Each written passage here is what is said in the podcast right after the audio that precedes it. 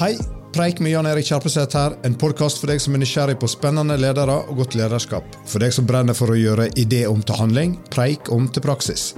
Denne veka snakker jeg med friidrettsverdens kanskje mest dynamiske duo, Karsten Warholm og Leif Olav Alnes.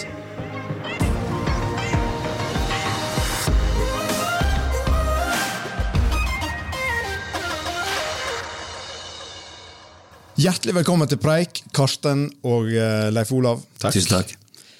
I en podkast som heter Preik, er det kanskje litt underlig å starte med å sitere dere på noe dere har sagt i de aller fleste intervjuer. Godt gjort er bedre enn godt sagt. Så det er en veldig god start. Ja, hvorfor er det så sentralt for dere? Det er jo, det er jo godt sagt også, Ja. eh, ikke minst. Men uh, det er så lett å, å, å love og ikke levere. Nei, altså det jo, Leif Olav begynte jo å prente inn dette til meg, og det er jo litt sånn Jeg tror egentlig det var et motsvar til mye av, av, av de som, som er i miljøet. Altså Vi blir jo gjerne møtt med, med konkurrenter som går veldig høyt ut og sånn. Og jeg tror ikke det er noe feil i det heller. Jeg tror egentlig også Leif også mener at det er, det er en helt grei måte for deg å gjøre det på. Eh, Men det er noe med at hvis du skal slå markedet, så må du gå, må du gå litt imot det. da. Eh, Det vet jo du kanskje. Og, um, og, og da er det også Det ble jo vår måte å jobbe, da. At Vi er jo egentlig veldig glad i å snakke, og vi sier jo veldig mye, så vi bruker jo, vi bruker jo kjeften, vi også. Men, men det ble tatt akkurat på, på prestasjon eh, så skulle vi heller la, la beina prate for seg sjøl. Og det er blitt en veldig fin måte å også balansere det forventningspresset vi må leve med. da. Fordi det er jo slik at enten så vinner vi, eller så er folk misfornøyd med oss. Eh, Så det har vi på en måte alltid bare sagt at godt gjort er bedre enn godt sagt, så har du i hvert fall ikke lova noe. Men, men du, Leif, du er åpenbart glad i et godt sitat eller et godt mantra. Sjøl så tenker jeg at det er en fantastisk form for komprimert kunnskap. Men hvorfor er du så fascinert av korte setninger og mantra? Jeg tenker at eh, det å lære av andres feil er en veldig billig måte å lære på. Men det går også an å lære av det andre har gjort bra. Og, og eh, jeg finner veldig mye motivasjon i, i gode sitater. Og de gode sitatene har overlevd. Det, det er jo lett å si at 'excellence is gone', men kanskje excellence aldri har vært. Siden vi vet navnet på Bach og Beethoven og Stradivarius og sånn, så er det kanskje ikke det kommer en ny sånn hver uke. Jeg har lyst til å gå tilbake igjen til starten. Kan ikke du Karsten, beskrive hvordan starta dette fantastiske samarbeidet mellom dere to? Det er egentlig en litt, eh, litt fin historie. Jeg var jo eh, lenge i klubben min Dimna hjemme i Ulsteinvik. Det var jo der jeg vokste opp, og der jeg, der jeg var helt til og med videregående. Og det var et fantastisk miljø vi hadde der. Altså, jeg holdt jo på lenge og var, og var motivert pga. at det var et bra miljø der. Og så skjer jo det som skjer etter videregående, gjerne på, på mindre plasser, at folk skal, skal ut, og du ser at vennene dine begynner å legge planer slik og sånn. Og så så jeg også sjøl at jeg også var moden for, for litt forandring. da. Et miljøskifte og kanskje liksom ja, prøve å jakte litt den drømmen om å faktisk bli profesjonell. da. Eh, Og da endte det med at vi tok kontakt med med en som heter Stålian Frøynes. Og han hadde jobba tett med Leif i mange år. Så han sa at eh, for meg så får dere bare ett tips, dere skal få gjøre som dere vil. Men, men mitt tips er å Leif Olav Alnes. Jeg kjenner ingen, som, kjenner ingen som er bedre enn han, ingen som har mer erfaring, og ingen som, ingen som er høyere IQ. Så, så da tok vi et møte på Ivar Aasen hotell i Ørsta, faktisk. Og det ble en eh, veldig, veldig minnerik kveld. Eh, og vi hadde lange prater utover kvelden og til og med natta der. Jeg tror mamma som, som var med og skulle liksom passe på, hun lå til slutt bare og sov på stolen, mens vi, mens vi jeg og Leifen vi, vi fortsatte jo, vi fortsatte jo praten. og Jeg var jo helt klar på etter det møtet at jeg skulle, jeg skulle ha han som trener, men han var litt mer, han var tilbakeholden. Jeg vet ikke om det var et spill eller hva det var, men han var, han var liksom der at han kanskje skulle liksom En god forhandler. Hæ? Er han en god forhandler? Ja, kanskje litt. Kanskje litt. Eh, jeg vil tro det. Nei, jeg tror han er mer eh, Han er nok enda mer observatør og analytisk enn meg. da. Eh, Så jeg kunne jo sagt etter møtet at vi går for dette. Jeg er litt mer sånn magefølelseperson. altså Ting skjer litt fortere med meg. Eh, Leif grubla litt mer.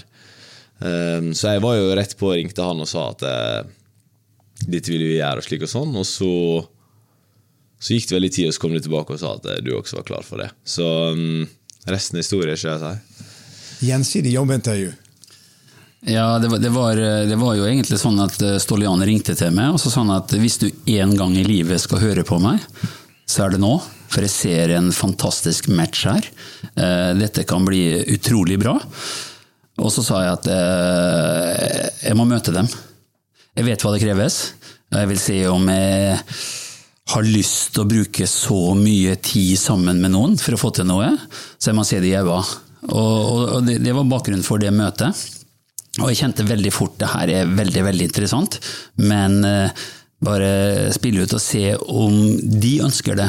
For i en sånn setting så må, så må begge ønske det. Og det er to ting, tror jeg, eh, som gjelder alle forhold, om det så er til bikkja di eller eh, kona di eller hva det nå måtte være. Så er det hvis du har gjensidig respekt og kommunikasjon, da er det begrensa hvor gærent det kan gå. Ja, men det er det. Ja. Og dere har jo fått en fantastisk relasjon. Jeg har lest at dere også deler hotellrom. ja, ikke her, faktisk.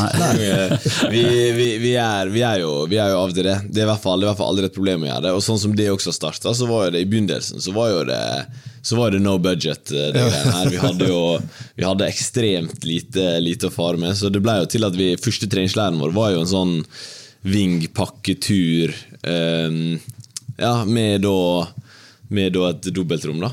Eh, og, og siden det så har vi bare gjort det mest fordi at liksom Sånn som det gjerne funker når du er ute på tur, så er ikke det alltid at, det, at du får to hotellrom og at det er plass til da, så mange på stevnehotell. Sånn. Da bare deler vi rom. Det, det funker helt strålende. Og ja, vi har et profesjonelt forhold i forhold til at jeg er utøver og han er trener, men først og fremst så, så er vi kompiser. Vi kommuniserer på den måten, og vi forholder oss til hverandre på den måten. Uh, og det tror jeg egentlig er blitt ei vinneroppskrift også.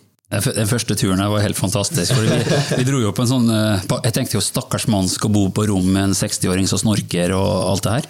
Så tenkte jeg meg, men jeg sover lite. Han sovner før meg, og jeg våkner før han, så det, det gikk fint. Men det flyet tilbake fra den pakketuren, det gikk uten oss, og da sto vi uten hotell. Og uten flybilletter, for vi bare bestemte oss for å trene litt til. Eh, og da, da gikk vi rundt i, i, gatene der med, med å trille koffert fra hotell til hotell for å prøve å, få så det, det var, så det var, det, var, det var attitude, det var all in. Eh, en god historie, da. Ja, det er liksom Det er en sånn del av historien du aldri ville vært foruten også, fordi, fordi det, det viser liksom Det viser litt hvor vi, hvor vi kom fra, og hvor, og hvor vi endte opp. Eh, Men, men jeg tror vi hadde det minst like kjekk da som vi har det nå. Det er akkurat, det er akkurat samme greia. Så, så det er ikke sånn at det, selv om vi er blitt litt bedre vant, at, eh, at vi ikke har det gøy før. Jeg husker vi satt på, på, på en kveld der, og så, og så sier Karsten Leif, hva, hva tror du jeg kan springe på på hekken? Og det hadde jeg jo regna på, så, så svarte jeg ganske fort eh, 48,50. Og sånn, du, du, du mener, du mener 49,50, sant? Han hadde, han hadde, han hadde 51,09, tror jeg, på, det, på det tidspunktet. Det. Eh, og så sa han nei, jeg mener, mener 48,50. Ja, I løpet av hele karrieren? Så jeg, nei, i år. Og så snakka vi ikke mer sammen den kvelden. Virkelig godt. da. Planta et frø likevel, da.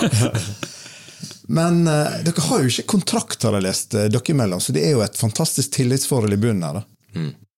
Det er det. Vi, vi så en film en gang hvor det sa at my, my word is stronger than oak, og det viste seg å ikke være. Jerry Maguire.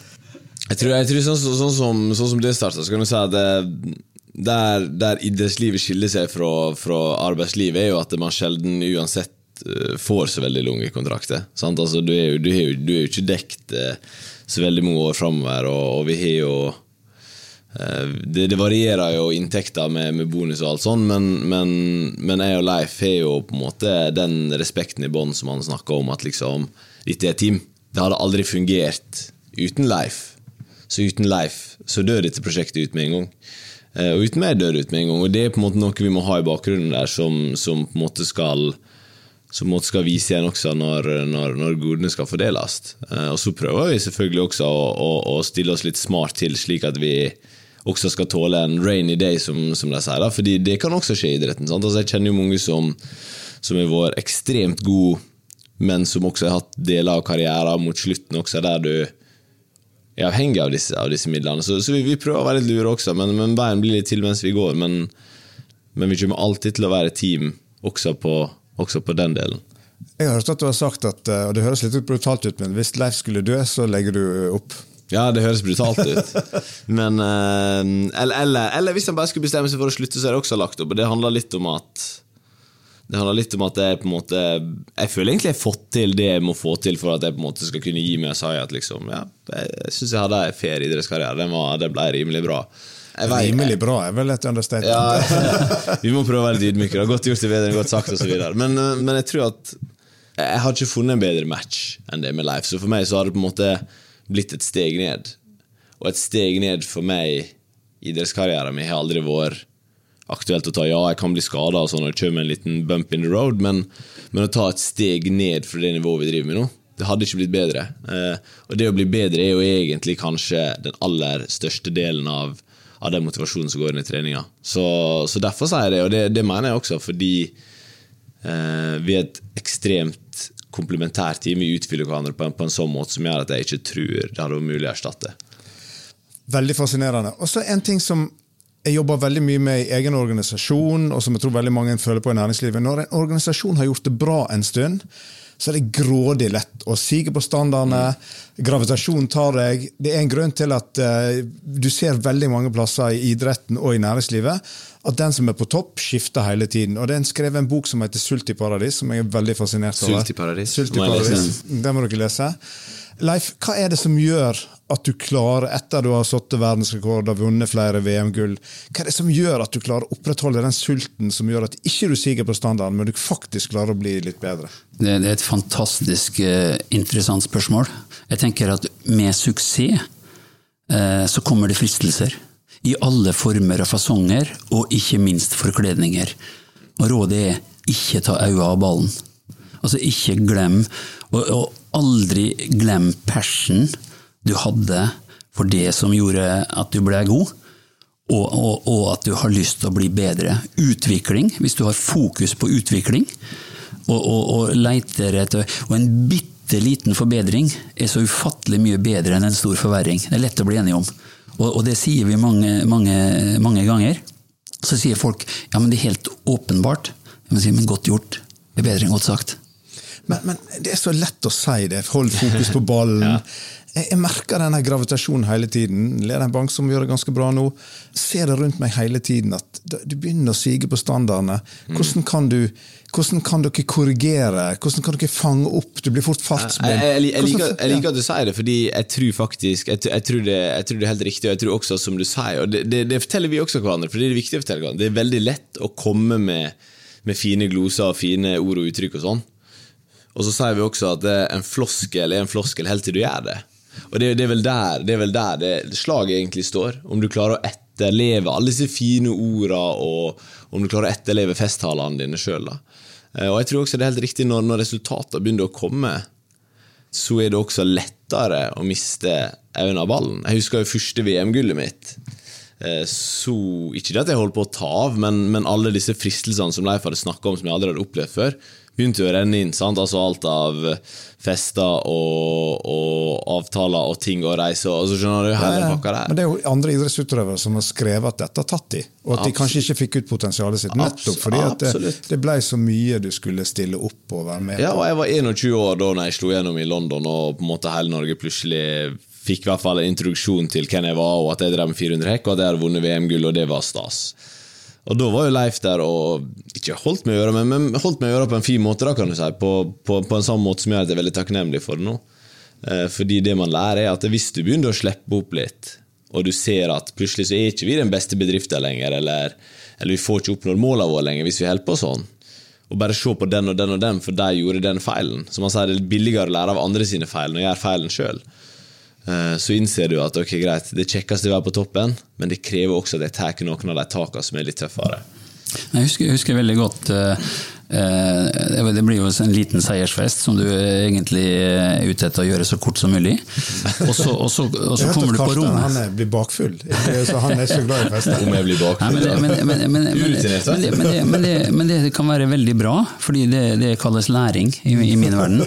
Um, og, og når vi kom tilbake på rommet, så er det jo umulig å sove etter en sånn første, første VM-gull. Da fikk vi mange timer hvor, hvor vi snakka om det neste. Altså, altså du, du, du, har fått sugd litt på karamellen, og så, og så snakker du om hva skal til for at du får gjort eh, dette flere ganger. Og Jeg husker et intervju hvor han spurte meg liksom hvor mange gull han kom til å få. Så jeg var klar over at dette kan være det eneste. Sant? Vær klar over at det er det eneste. Sant? Fordi det kommer an på de valgene du gjør, og det kommer an på hvor god eh, konkurrentene er. Og, og du, du, må ikke tro at du kan trene mindre enn de, og gjøre det bedre. Så, sånn at eh, Når folk sier til meg at de trener så smart, så spør jeg alltid kontrollspørsmål mener du lite. Lite, lite er ikke smart. Er sant? Mye og smart er smart. Men uh, nå, skal ikke, nå skal ikke ta over jobben din, men, men, jeg bare spør, jeg bare spør det, fordi en ting jeg synes er interessant, for vi får ofte snakke om hvordan vi jobber. sånn. Vi er et two-man-team, så så lenge vi drar i samme retning, så er det ofte lett å bevege seg framover. Men jeg tenker sånn i, i, yrkeslivet, da. Både jeg og Leif, vi lever jo for jobben vår, på en måte, men det er mange som bare jobber for å leve. Og da er det vanskeligere å få på en måte den excellensen, da, på en måte, hvis, hvis du bare er der for å krysse av at i dag var det gjort og så går du hjem og så tenker ikke på det før i morgen. Jeg tror det handler veldig mye om hvilke mål du setter deg. og at Jeg tror alle, enten i idretten eller i organisasjonslivet, har lyst til å være med på vinnerlaget. sant? De har lyst til å være med en plass der de er stolt over å fortelle hvor de jobber hen. De har lyst til å få den anerkjennelsen eksternt av at du gjør det bra. Så jeg opplever at det, det, det er fullt mulig hos oss òg eh, å, å, spille på det i forhold til å sette mål som ikke bare er ja, vi skal levere 13% egenkapitalavkastning. Det er jo ingen som eh, får energi av det. Who cares? Ja. Det, det, tror jeg, det, tror jeg, er utrolig, utrolig viktig. Hvis du, hvis du får eierskap til prosessen, selv om du ikke tar de store beslutningene. Men du får eierskap til prosessen. Du føler at du blir hørt. Du føler at det er fornuftig. Du føler at du blir sett. Det tror jeg er helt avgjørende. Jeg tror du har helt rett. At, at, jeg husker Vi hadde en sånn kampanje i friidrett som heter 'Slå svensken'. Det eneste det motiverte, det var svenskene. Vi hadde T-skjorter, og det var styrebehandla. og Det var ingen som hadde spurt de aktive. Og Så ble det anbefalt at vi gikk ut og angrep i flokk, og da rakk jeg opp hånda og spurte om ikke vi kunne angrepe etter tidsskjema. Det var lurere. Men, men tilbake igjen til det med mål. da. Hva er et godt mål for dere, og hvordan jobber dere med mål? Selve prosessen er jo sånn at du vet når det neste mesterskapet som har størst betydning, det året kommer. Og så tenker du, Hvis du har lyst til å, å, å, være med der, så, så, så, jakter vi at du skal være i den beste versjonen av deg sjøl. Nå er dette en veldig målbar idrett, så det kan komme fram tall. Vi går aldri ut med tall. Men, men hvor skal du plukke den fremgangen? Og, og, eh, fra dag én så ble jo på en måte måten som vi løp på kritisert, fordi at eh, Karsten starta å springe så fort. Og da, da, da sa jeg jo som, som Bjørn Dæhlie sa, at eh, problemet er ikke at han åpner fort, det er at han avslutter for sakte. Sånn at sånn hele prosessen, Hvert år har vært et, et forsøk på å kjøre samme taktikken, men stå lenger og lenger. Hittil så har ikke det gått helt til mål, men vi, vi er i en prosess der hvor vi tror at vi kan presse mer ut av sitronen. Og det er veldig langt fra 45-94 til 0. Det er bra. Hvis det, hvis det, var veldig kort. Så jo lengre tid du har å gjøre det på, jo flere ting kan du, du forbedre. Det er helt riktig. Jeg tror sånn som når vi setter oss mål, så setter vi oss veldig hårete mål. Og vi setter oss såpass gode mål at selv om vi ikke når mål, men kommer ganske nærme, så er det fortsatt en, en, en suksess. Mm. Men jeg tror egentlig at det vi er enda flinkere på, er å planlegge hvordan vi skal komme oss til det målet, og at vi ser på hva som må til for å sette oss, sette oss, i, sette oss i, en posisjon der det målet er på skuddhold. Mm. Og det skjer jo i, i det daglige arbeidet. Uh, så målet er på en måte det, det er jo, det er jo ende, endestasjonen, på en måte. Men, eh, men, vi må vite hva vi må gjøre for å komme dit. Og Jeg husker jeg hadde en, jeg hadde en kompis som jobba i bedrift, der bedriften hadde gått ekstremt bra et par år. Sånn, det var noen bedrifter som gikk ekstremt bra under korona, for eksempel, fordi mm. det plutselig passa inn i omgivelsene. Inn i omgivelsene. Og så kommer du og skal overgå det i åra etterpå, og så skjer det som skjer nå, og det som, det som er sant. Um, og det er ikke alltid det er mulig. Du kan til og med forbedre deg men det er omstendigheter rundt som gjør at du likevel ikke klarer å levere på den tida. Men du kan fortsatt jobbe hver dag for å øke standarden innad. Og det tror jeg vi gjør. Det er sånn, det er sånn eh, når, når, når, du vurderer tiltak, for det er, alt, det er, det er ofte lurt å, gjøre kalkulerte tiltak, så, så, bruker jeg alltid å tenke 'Does this make the boat go faster?' Jeg liker jo den ja. Davis-boka. Den er jo ja, fantastisk. Ja. Og, ja. og hvis det ikke gjør det, så må jeg lure på er det noen andre grunner til å gjøre dette, eller skal det bare feies vekk? Det, det er helt riktig. Det er, det er, er eh, hvis du brekker blyanten i oktober, så kan du fortsatt ta eksamen i januar. Det er verdens enkleste sak. Det er å finne grunner til at det ikke skal gå. Sant? Du finner en eller annen grunn. Hvis du leter etter problemer, så kommer du til å finne problemer du ikke ante du hadde. Og når problemene er store nok, så finner de deg. Du trenger ikke leite. Men dere snakker jo om hårete mål, da. Og det jeg opplever i næringsliv og på enkeltindivider som ofte, så er det at eh, hvis de klarer å sette et hårete mål, så bestemmer de seg ikke sånn genuint for å nå det. Så hvordan jobber dere med å bestemme dere for å ta konsekvensen av målet? da? Vi har en, vi har en teknikk på, litt som er litt sånn kanskje en passant på det der, men det, det, er sånn at vi går ikke ut med måla. Så det vi, det er forpliktende for oss. Vi snakker utrolig mye om det, men vi, vi gjør det ikke utad. Så jeg, jeg har lært meg å ikke forskuttere, for jeg har sett at det går ofte gærent. Og så kommer frykten for å feile. Og den ligger, den ligger latent i, i, mennesket. Og det, det, det, er grunnen til at folk ikke vil være favoritt. Det er, ingen, det er nesten ingen som vil være favoritt. Så, som, som, som, jeg sier til Karsten, vi må ønske å være favoritt. Men ikke oppføre oss som det. Være i angrep og favoritt. The best of two worlds. Og jeg tror også vi kom i en posisjon der vi ikke føler at vi skylder Vi skylder ikke noen noe. på en måte Vi skylder oss sjøl å, sette oss i en best mulig posisjon. Så Derfor er det også når vi setter oss hårete mål innad, så er det forpliktende nok at vi er sakte mellom hverandre. Altså, Den, den stoltheten vi legger i det sjøl, er egentlig det største gisselet vi kan ta. Mens andre føler nok at hvis du sier det i VG, så leser det bordet enda mer. Og det, og det er helt fair. Jeg tenker at, det, tenker at det er også en taktikk, men for oss så vi bestemte oss for at egenapplausen skal være den viktigste applausen. Og det er på en måte attitude vi valgte å ta. Og derfor så, så tenker vi også at det, når vi vinner, så er det fineste øyeblikket når man setter seg ned med Leifen i stolen hjemme på hotellrommet, og så ser vi på hverandre og så sier vi det gikk. Den, den satt, liksom. Og det blir kanskje den sterkeste følelsen, mer enn å vise alle andre at slå seg på brystet og se hva det var vi gjorde, på en måte så er det faktisk altså Reisa er ganske altså Det høres litt sånn klisjé ut fordi alle sier det, men, men reisa er ganske ensom. Og Derfor tenker jeg også at du må, du må klare å ta eierskap til ting sjøl. Når er det dere virkelig kjenner faen, dette var verdt det? Når er det dere har de følelsene? Altså Tokyo mener jeg faktisk for meg da, i hvert fall, var et av de sterkeste øyeblikkene fordi det var ingen som var der. Det var jo et, det var et pandemimesterskap. Ja, ja, ja. Så det var jo bare vi. Det var ingen som måte fikk forstyrra den den, den, prosessen der vi bare setter oss ned og så bare flirer vi, og så, og så ser vi på hverandre. Og så, og så satt liksom, Det er en veldig sånn spesiell greie, fordi det er jo også, det er jo også sånn halvemosjonelt fordi man har vært på den reisa i så mange år, og så blir på en måte kulminerer inn i en sånn her eh, ja, sjuk, eh, sjuk boble av følelser. da så Tokyo for meg kanskje sterkest liksom, øyeblikket når vi, når vi delte, delte en seier og den verdensrekorden. Nei, men jeg er helt enig i det. Det, det, det er utrolig. Og det, og det å eh, Jeg finner voldsom trøst i at det vi gjør høres rart ut, men egentlig ikke er så viktig. Mm. Det er jeg som har valgt å gjøre det viktig. Og, og, og, og, det er en enorm trygghet i det. Vi kurerer ikke kreft, vi utrydder ikke sult i verden vi, vi, springer, eller han springer da, heldigvis.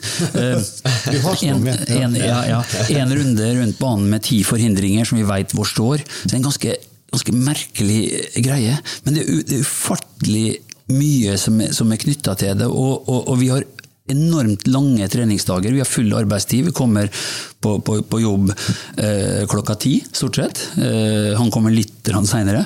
Og så eh, starter vi alltid med å drikke kaffe. Altså, og, og, og, da, og, da, lukter du hvordan dagen kommer til å bli. Altså hvilken tilstand, Hva er nå-tilstanden? Altså Hvor mye mer kan vi fylle på eh, vanntønna før det renner over?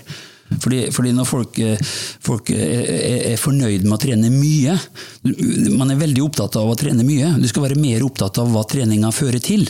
Og da, og da sier jeg, eh, når du fyller opp i glasset, nå slutter du å helle. Det vet jo alle, det er like før det er fullt. Nettopp. Nå skal vi slutte i dag, for nå ser jeg at det som vi heller oppi nå, det kommer bare til å renne over. Det eneste du oppnår er å skade deg, øke sjansen for å skade, så du må stoppe. Og, og, og et veldig, veldig primitivt eksempel er at en, en, en investor som setter pengene sine i ti prosjekter, det spiller ingen rolle om det ene går konkurs hvis de ni andre gir avkastning. Hos oss så er det ikke sånn. Du kan ha 5000 gode økter på rad, og så har du ei som går galt. Da stenger den butikken. Da får du ikke være med. Da har du brekt beinet eller fått strekken din. Og Derfor blir det å unngå feil blir ekstremt viktig. Og, da, og da, Hvis du ser på trening som medisin, hvis det er mye bivirkninger ved medisin, altså høy skaderisiko, så leiter du etter minste effektive dose. Eh, er lite bivirkninger, altså liten sjanse for å skade deg, så leiter du etter maks effektiv dose. Og så lager du, lager du et vokabular eh, som er hensiktsmessig for å unngå disse feilene. Vi ser på alle skader som en feil.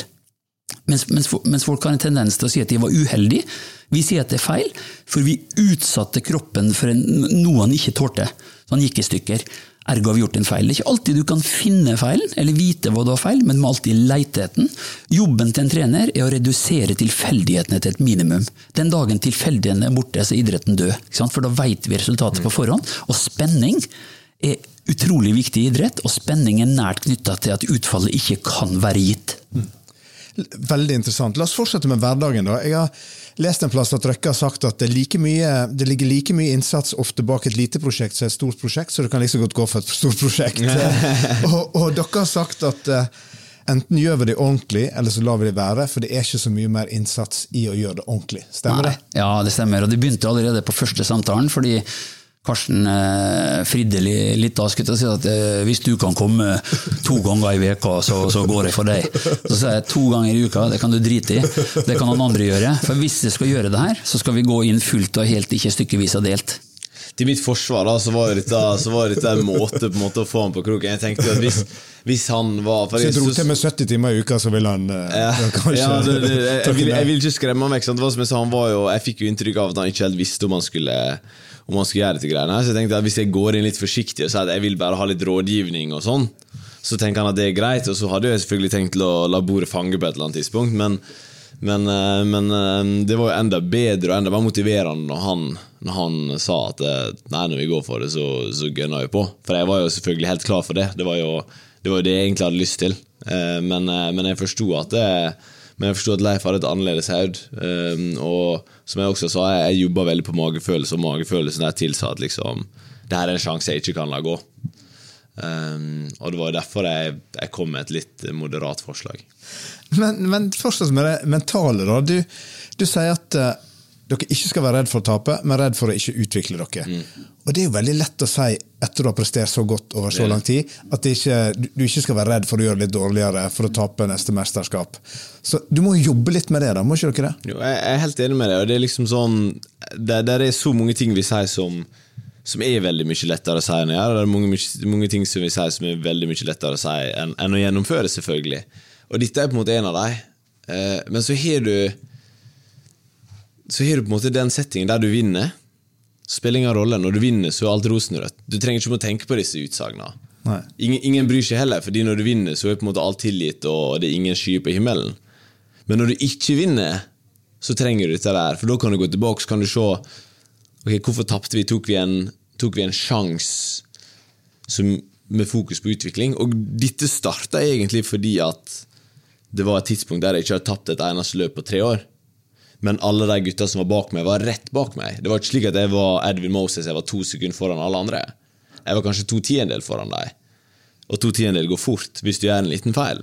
Ja, det hvis du siger litt på standard. Ja, så ble vi enige om at, vi enige om at å være defensiv det er ikke løsningen. Hvis, ikke du, hvis, du, springer for å forsvare gullet ditt, men du springer for å ta det gullet, så kommer du på et eller annet tidspunkt til å tape det ganske fort. Og det skal sies, jeg har tapt siden det. Eh, er alt etter førsteplass, da.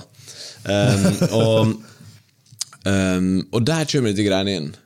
Fordi vi ønsker faktisk å bli bedre, og vi sier at vi må bli bedre for å vinne. Og det, å vinne er det ultimate målet, og gjerne noen rekorder på kjøpet også. Uh, og da må vi gå og ta disse sjansene, og det er der dette her kommer inn. Vi skal ikke være redd for å tape, men vi skal være redd for å ikke utvikle oss. Og det vil si at Hvis vi taper, så skal ikke vi tape fordi at vi var defensive. Vi skal tape fordi vi var offensive og noe ikke gikk som vi hadde planlagt. og Det får vi prøve å gjøre noe med til neste gang. Hvor lang tid bruker du hvis du taper, da? Hvor lang tid bruker du for å riste det av deg? For det, dette, er jo, dette er jo for oss alle. sant? Plutselig holder vi en dårlig prestasjon, vi syns at vi kunne vært bedre på et ledermøte, vi gjør et jobb, dårlig jobbintervju, eh, eller vi får en feedback som vi ikke liker. Da. Og jeg tror de aller fleste bruker litt for lang tid for å riste det av seg. Ja. Jeg, det? jeg, jeg prøver å stå for det. Altså liksom sånn, jeg prøver å lage minst mulig unnskyldninger. Jeg prøver, å, jeg prøver å være tøff, prøver å stå i det, for det syns jeg man skal gjøre. Eh, man må, hvis man er kjent på suksessen, så vet man hvor gøy det er. Men så må man også huske at det var sju andre som kjente på den skuffelsen som du som regel kjenner på. Sant? Fordi det er bare én som kan vinne. Og Faren er jo at de, når de går tilbake igjen dagen etterpå, så tenker de at de skal forbedre seg litt mer enn du som vant. Også, også, men, men, men, men der kommer kanskje ydmykhet litt inn også, da, fordi vi snakker mye om sjøltillit. Eh, men vi også snakker mye om at man ikke må være høy på seg sjøl. Og det er veldig stor forskjell på å ha sjøltillit og å være høy på seg sjøl. Og når du blir høy på deg sjøl, det er først da du begynner å gjøre disse feilene med å undervurdere folk. Og jeg tror vi aldri, tror vi aldri undervurderte noe. Men, men jeg takler for så vidt det å tape relativt dårlig. Jeg kan tape i ludo og yatzy, det driter jeg i, men akkurat dette greiene her, som jeg på en måte bruker hele livet mitt på, og alt jeg vil er å vinne Så når jeg da taper, så bruker jeg litt Vi sier egentlig at vi er en deppfrist på to timer, Eh, men det blir gjerne to dager. Men eh, Ja, han, dri, han driter ikke om han taper i ludo heller. Altså det, skryter på seg at han det, det, det, kan jeg, det, det, det rister av meg raskere. men, men, men vi har også eh, Hvor lang tid går det, da? Ikke to dager, men En time, da. Der har han totimersregelen. Da blir det rematch. Jo, jo, men, men det, som er, det som er veldig interessant der, han sa, han sa det i stad, en floskel er en floskel helt til du gjør det. Og, og, og et, et, en av greiene som vi jobber utrolig mye med, er å snu bordet.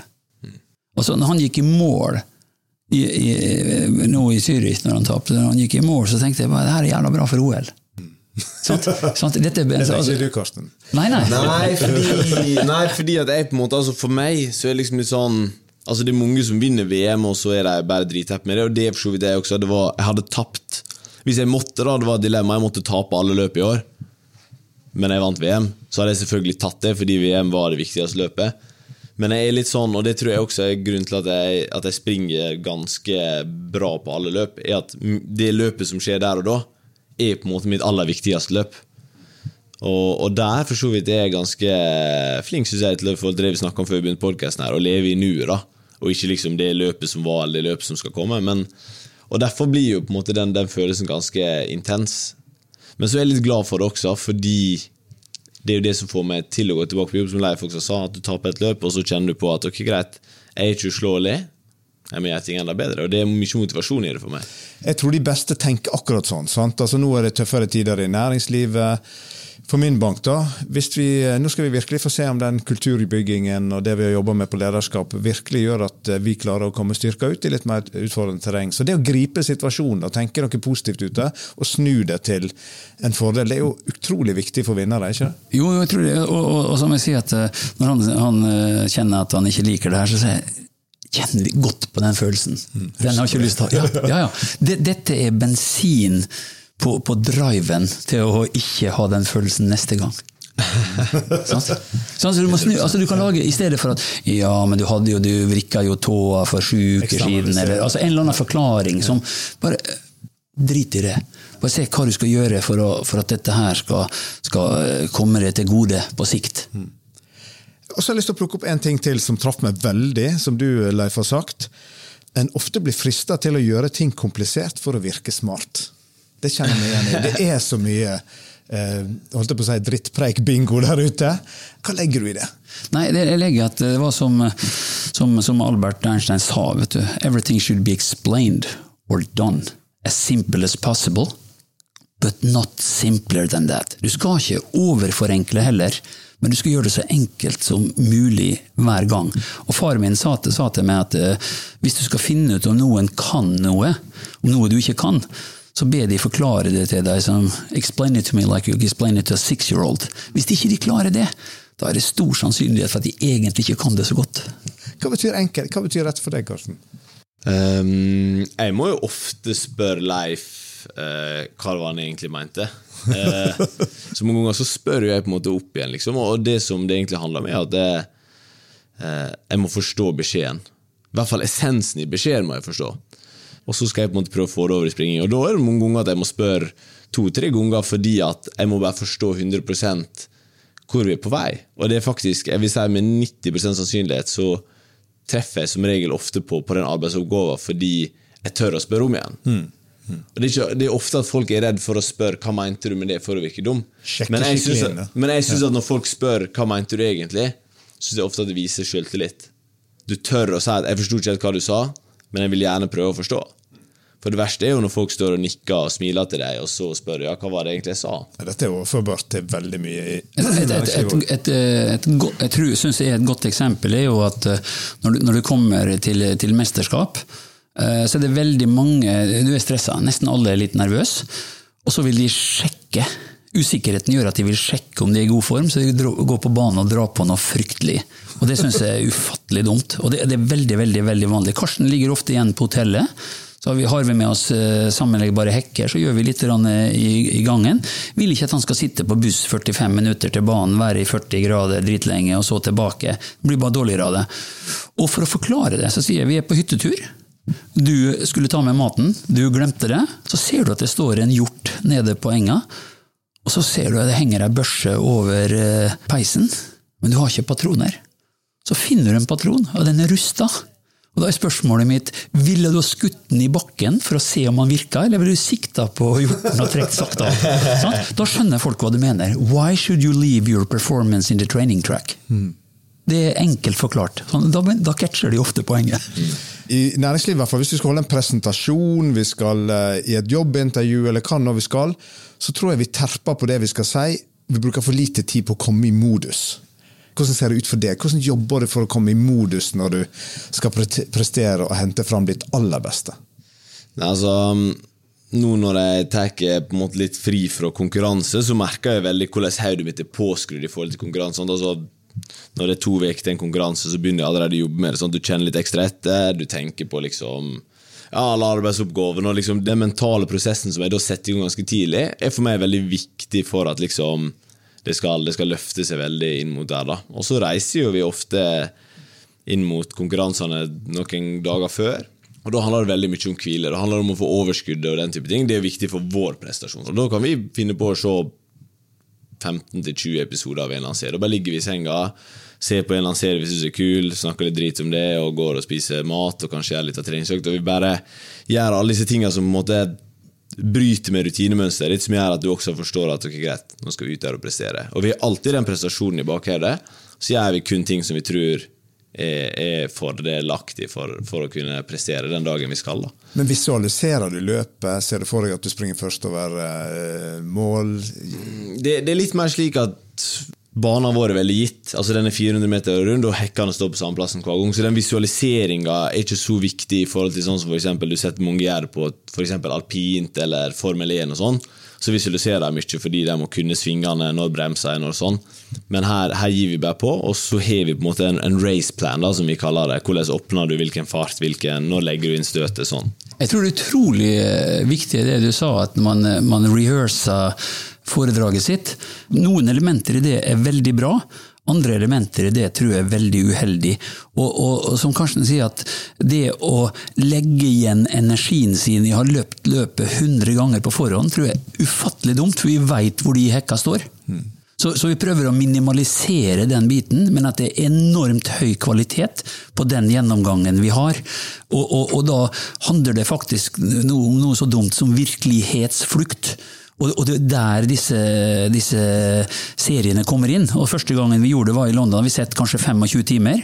Så sier vi nå rekker vi, nå rekker vi siste episode før jeg skal springe. Og Da, da, var det, da så vi på DVD. Da tok, da tok jeg ut DVD-en, sa det skal vi ikke. Jeg har bestemt meg for at jeg skal knekke den hvis ikke du vinner. Og så kødder du med meg! Liksom.